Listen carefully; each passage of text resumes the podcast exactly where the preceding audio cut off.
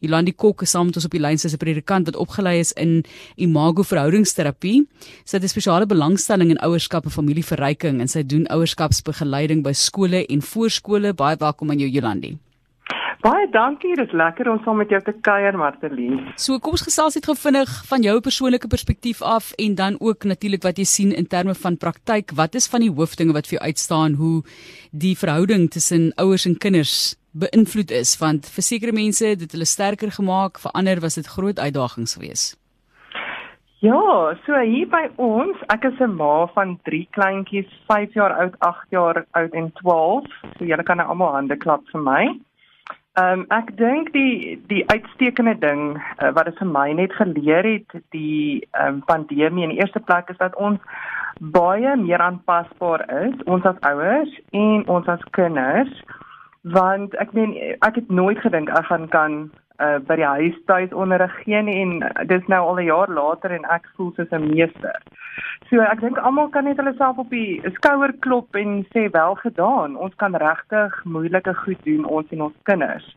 Ehm um, en dan is die tweede ding dink ek Ehm um, ek dink dit is sleg. Dit gaan regtig sleg met mense. Ek woon in Randburg hier in Gauteng en dit gaan op die oomblik baie sleg met ons. Ehm um, so uh, jy kan vir myself in jou eie lewe dink, uh, wanneer jy 'n slegte dag by die huis, by die werk gehad het en uh, jy loop in die huis in, dan is jy minder geduldig met jou kinders. En dis normale omstandighede. So nou het ons nog meer druk as ouers.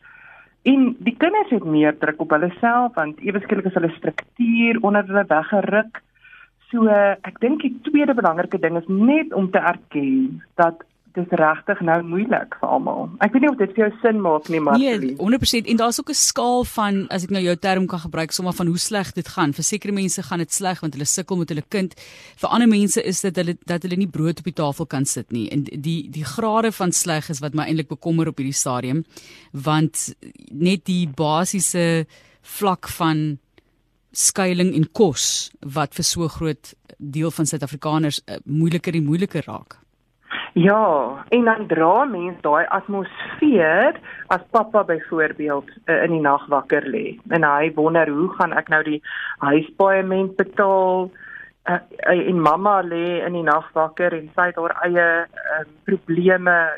Ons almal werk mos maar help ekonomies. Uh, daar mag dalk verlies wees, né? Verlies van inkomste, verlies van familielede en en so daar's definitief daardie swaarder atmosfeer in huishoudings. En daarom is dit so belangrik. Ons is die groot mense. Ons as die ouers moet ons kinders ook deur dit kan navigeer. Ons moet vir hulle kan leiding gee uh oor hoe hanteer 'n mens donker en swaar emosies. En as ek mag bysê, ek dink dis 'n geskenk want ek dink baie mense probeer lyk like of ons altyd in beheer moet wees en 'n mens moet altyd gelukkig wees.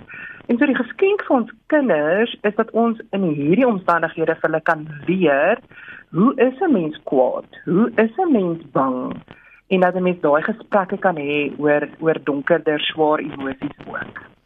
Kom ons gesels nou oor dit wat jy glo as 'n groei geleentheid was vir ouers tydens die Grendel tydperk. So wat het ouers geleer? Ja, so oh, net om terug te kom by daai vindingrykheid, ehm um, so ek dink wat my gehelp het is om in die eerste plek net te ontspan. Ehm um, en nie nou die Pinterest mamma te probeer wees nie. 'n Mens het jou planne, maar ek dink 'n mens moet nou meer aanpasbaar wees en rustiger wees. So, dit was die eerste ding wat 'n groei geskenk vir my was in my eie huishouding, net bietjie nie so perfeksionisties te wees nie maar terselfdertyd tog 'n bietjie dinge te normaliseer, nê, nee, 'n bietjie struktuur te probeer kry. Ek weet met my kinders wat ons doen is ons sit elke oggend en en maak ons 'n lysietjie en dan sê ons goed, wat gaan ons nou alles doen en dan moet hulle vir al daai lys eers deurwerk voordat hulle mag skermtyd kry of so. So 'n mens raak uh, baie kreatief. Ehm um, Ja, en en ek dink 'n mens leer om die meeste te maak van die klein oomblikke. Jy weet, ehm um, uh ons is nou so baie in mekaar se ge, ge, ge, ge, geselskap maar 'n mens kan met jou lyf by mekaar wees sonder om regtig daar te wees met met aandag. So ek het geleer om om uh, met een ding op 'n slag besig te wees as ons eet net te eet en regtig net die meeste te maak van daai klein oomblikke. Is om net te wees, né? Nee? Net om te wees. En ek is ek is sukkel ek sukkel ek eintlik van moeilik net wees. Ek voel altyd daar moet iets produktief gedoen word. So dis 'n groot geskenk vir my gewees dat ek en my kinders hoef nie altyd uh, iets uh, produktief te doen nie. Ons kan net lekker lag en uh, pret hê Dankie tog. Nou, ja, nee. Kyk is dis ook nie net nou kinders en ouers natuurlik. Ek dink is almal van ons wat net 'n bietjie kan wees, maar kom ons gesels oor jou voorstelle en dit wat kinders nou regtig van ons af nodig het. Ek dink dit wat jy dalk gaan voorstel is wat 'n mens altyd eintlik wil sien is kinders wil meer van jou as ouer hê en dan voorstel ek hou van die nuwe gesinstradisies idee om iets positief te koppel ook aan die moeilike tyd. Ja, nee, um, en ek dink op kinders So die, jy het nou gesê dis die belangrike deel wat jy ingebring het van die tradisies want dit gee weer struktuur, bietjie voorspelbaarheid. Soos julle nou sê as gesin elke Vrydag aand gaan ons nou begin om 'n uh, film aan te hou en dan gaan ons popcorn skiet en ons kan mekaar maar sommer daai aand gooi met die popcorn ook.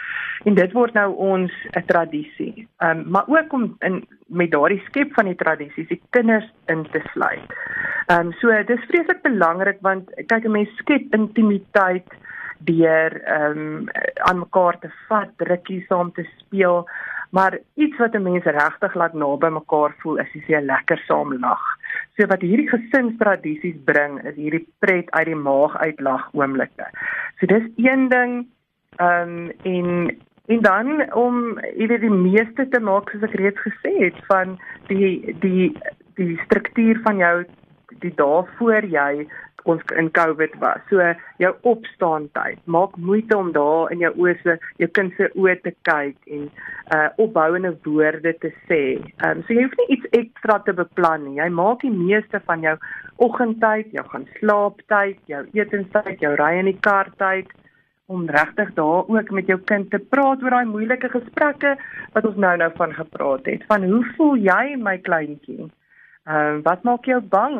Wat het jy van mamma of pappa nodig op op hierdie stadium?